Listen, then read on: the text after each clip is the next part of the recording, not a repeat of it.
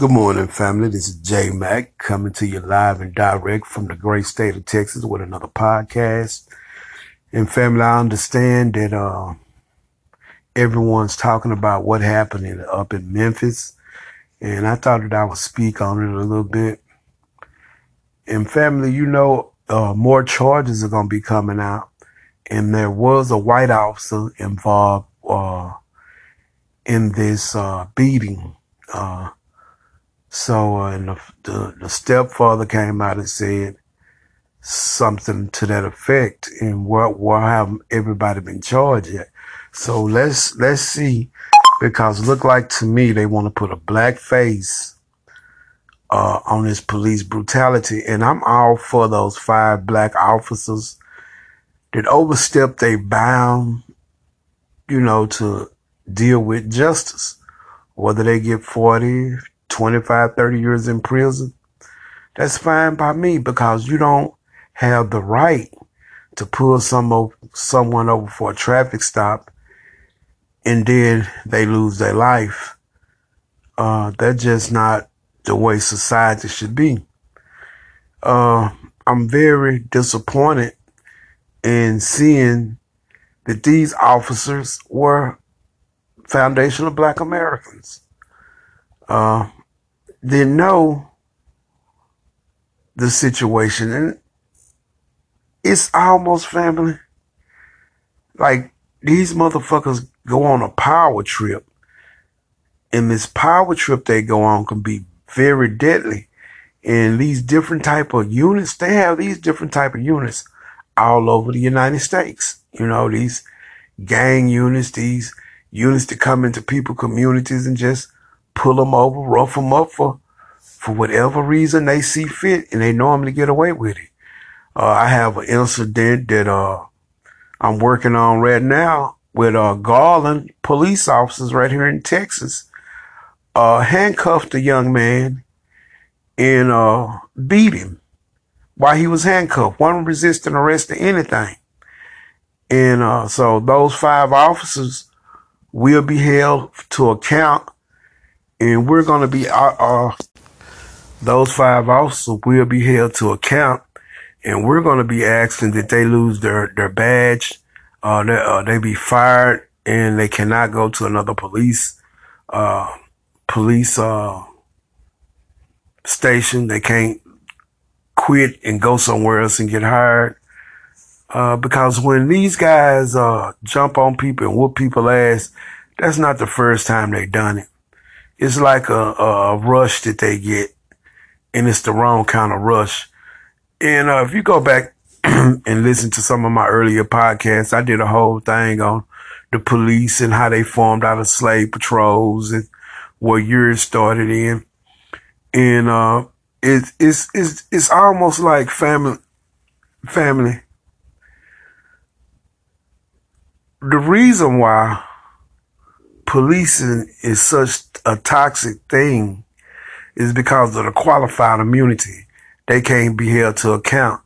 Now, you never have seen Joe Biden come out this fast against polices. The Democrats are having a problem. They got Kamala Harris out right now, and they're having a problem because they know they lost the black male vote and it's not looking good for them in 24. Joe Biden came out and made a statement, but where is qualified immunity? Where is the George Floyd Policing Act? They told the baby boomers that went out and voted for them, if they go out and vote, they would do this. We would get, they haven't done a motherfucking thing. This stuff is life or death, seriously. And, and look, you can reform the police by taking away that way that qualified immunity, making it easier to sue the police in the police unions. Because when you're talking about defunding the police, hell, the police defund themselves all the time because the cities have to pay out millions of dollars because they killing people and beating people. Hell, they defund themselves with, with all the money that the city had to pay out for some officer you know, in these white officers and black ones, but mainly the white officers, you can't talk to them if you black. You know, this bullshit in America with these white boys, I'm sick of it. I'm sick of the, every, the whole government system is just racist. It's all racism. And I know our people are getting tired of it. We see it continuously. Uh, Mr. Nichols should be alive now. And it's sad that it was other black hands that committed this heinous act against this young man. Look, if he was driving reckless speeding or whatever, do that mean and and so far with the uh with with the with all the video angles and everything that they have shown uh, the police chief said that he wasn't speeding or anything like that before they could tell even if he was speeding even if he was driving reckless did that mean that you yank him out the car and beat him and then you beat him so bad three days later when you get into the hospital he died do that mean that family? And I know we all know the answer to that is no. But um, you know, it's it's it's sad. And these police officers are steady getting away with these type of things. Uh, now, I think a new thing in America should be the way Memphis went ahead looked at the looked at the video, seen that the officers wrong, fired their asses, then brought them up on charges. Hey, to you white fucking police chiefs, bullshit motherfuckers. I always talking about you need footage of the body cam and got to see what happened. Man, fuck that. Take a lesson from Memphis. You understand? Take the lesson from Memphis. They did it right. They moved quickly once they seen that these officers had violated this young man rights and his civil rights. Once they saw that, they moved quickly to fire. Now look, Memphis is a fucked up police force, just like the rest of these motherfuckers around America. And you got these people saying, hey, uh, don't judge our police by what you see, man. Every last one of the police are bad. None one of them cops tried to stop them from beating this man. This man couldn't even do do anything, you know.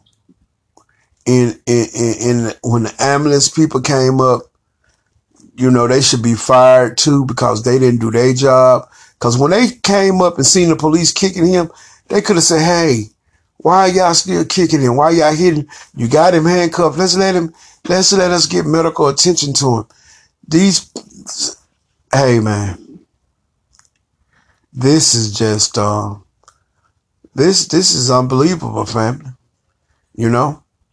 But uh let's see what they come up with because I want y'all to understand something. They keep talking about this bullshit on TV, but the Democrats are not going to be able to get anything done.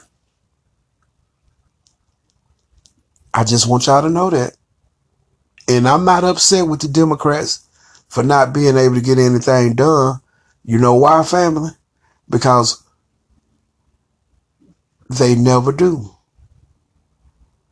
They never do. I'm not upset about that. What I'm upset about is our people study supporting people that don't support us. You know, and that's what I'm upset about. So I'm just asking our people to take a hard look at what's going on and notice what they're not saying they're not saying that they're going like all of a sudden it's going to be a cry and a push where they need to House some representative back so they can push this bill through this George Floyd bill. Uh, they have two more uh, seats in the Senate. Family,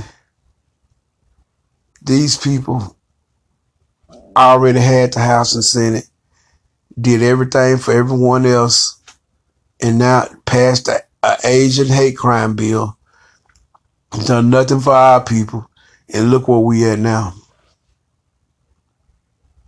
I want y'all to understand that before y'all go and, think about voting for these people. They marching Kamala Harris out to try to talk us into voting for the Democrats. Democrats already know they're in trouble this next election cycle. But see, when I do these podcasts, it's not to bash the Democrat Party. It's to inform Foundation of Black Americans about what's going on in this country. Because if we're informed, we can make an intelligent, intelligent decision. Now, if you local races and you got a dog in that fight and a mayor or something that's good, vote for him. But these national races where these people don't do anything for us, you know, and, and even in locally here, they don't do nothing. But you get the idea of what I'm saying. Maybe the changes be some of us run for office and make that change because it's uh it's real sickening, you know. The hypocrisy of these white folks, it's all just sickening. When you listening to them talk and uh they saying different things, these people are just sick, man.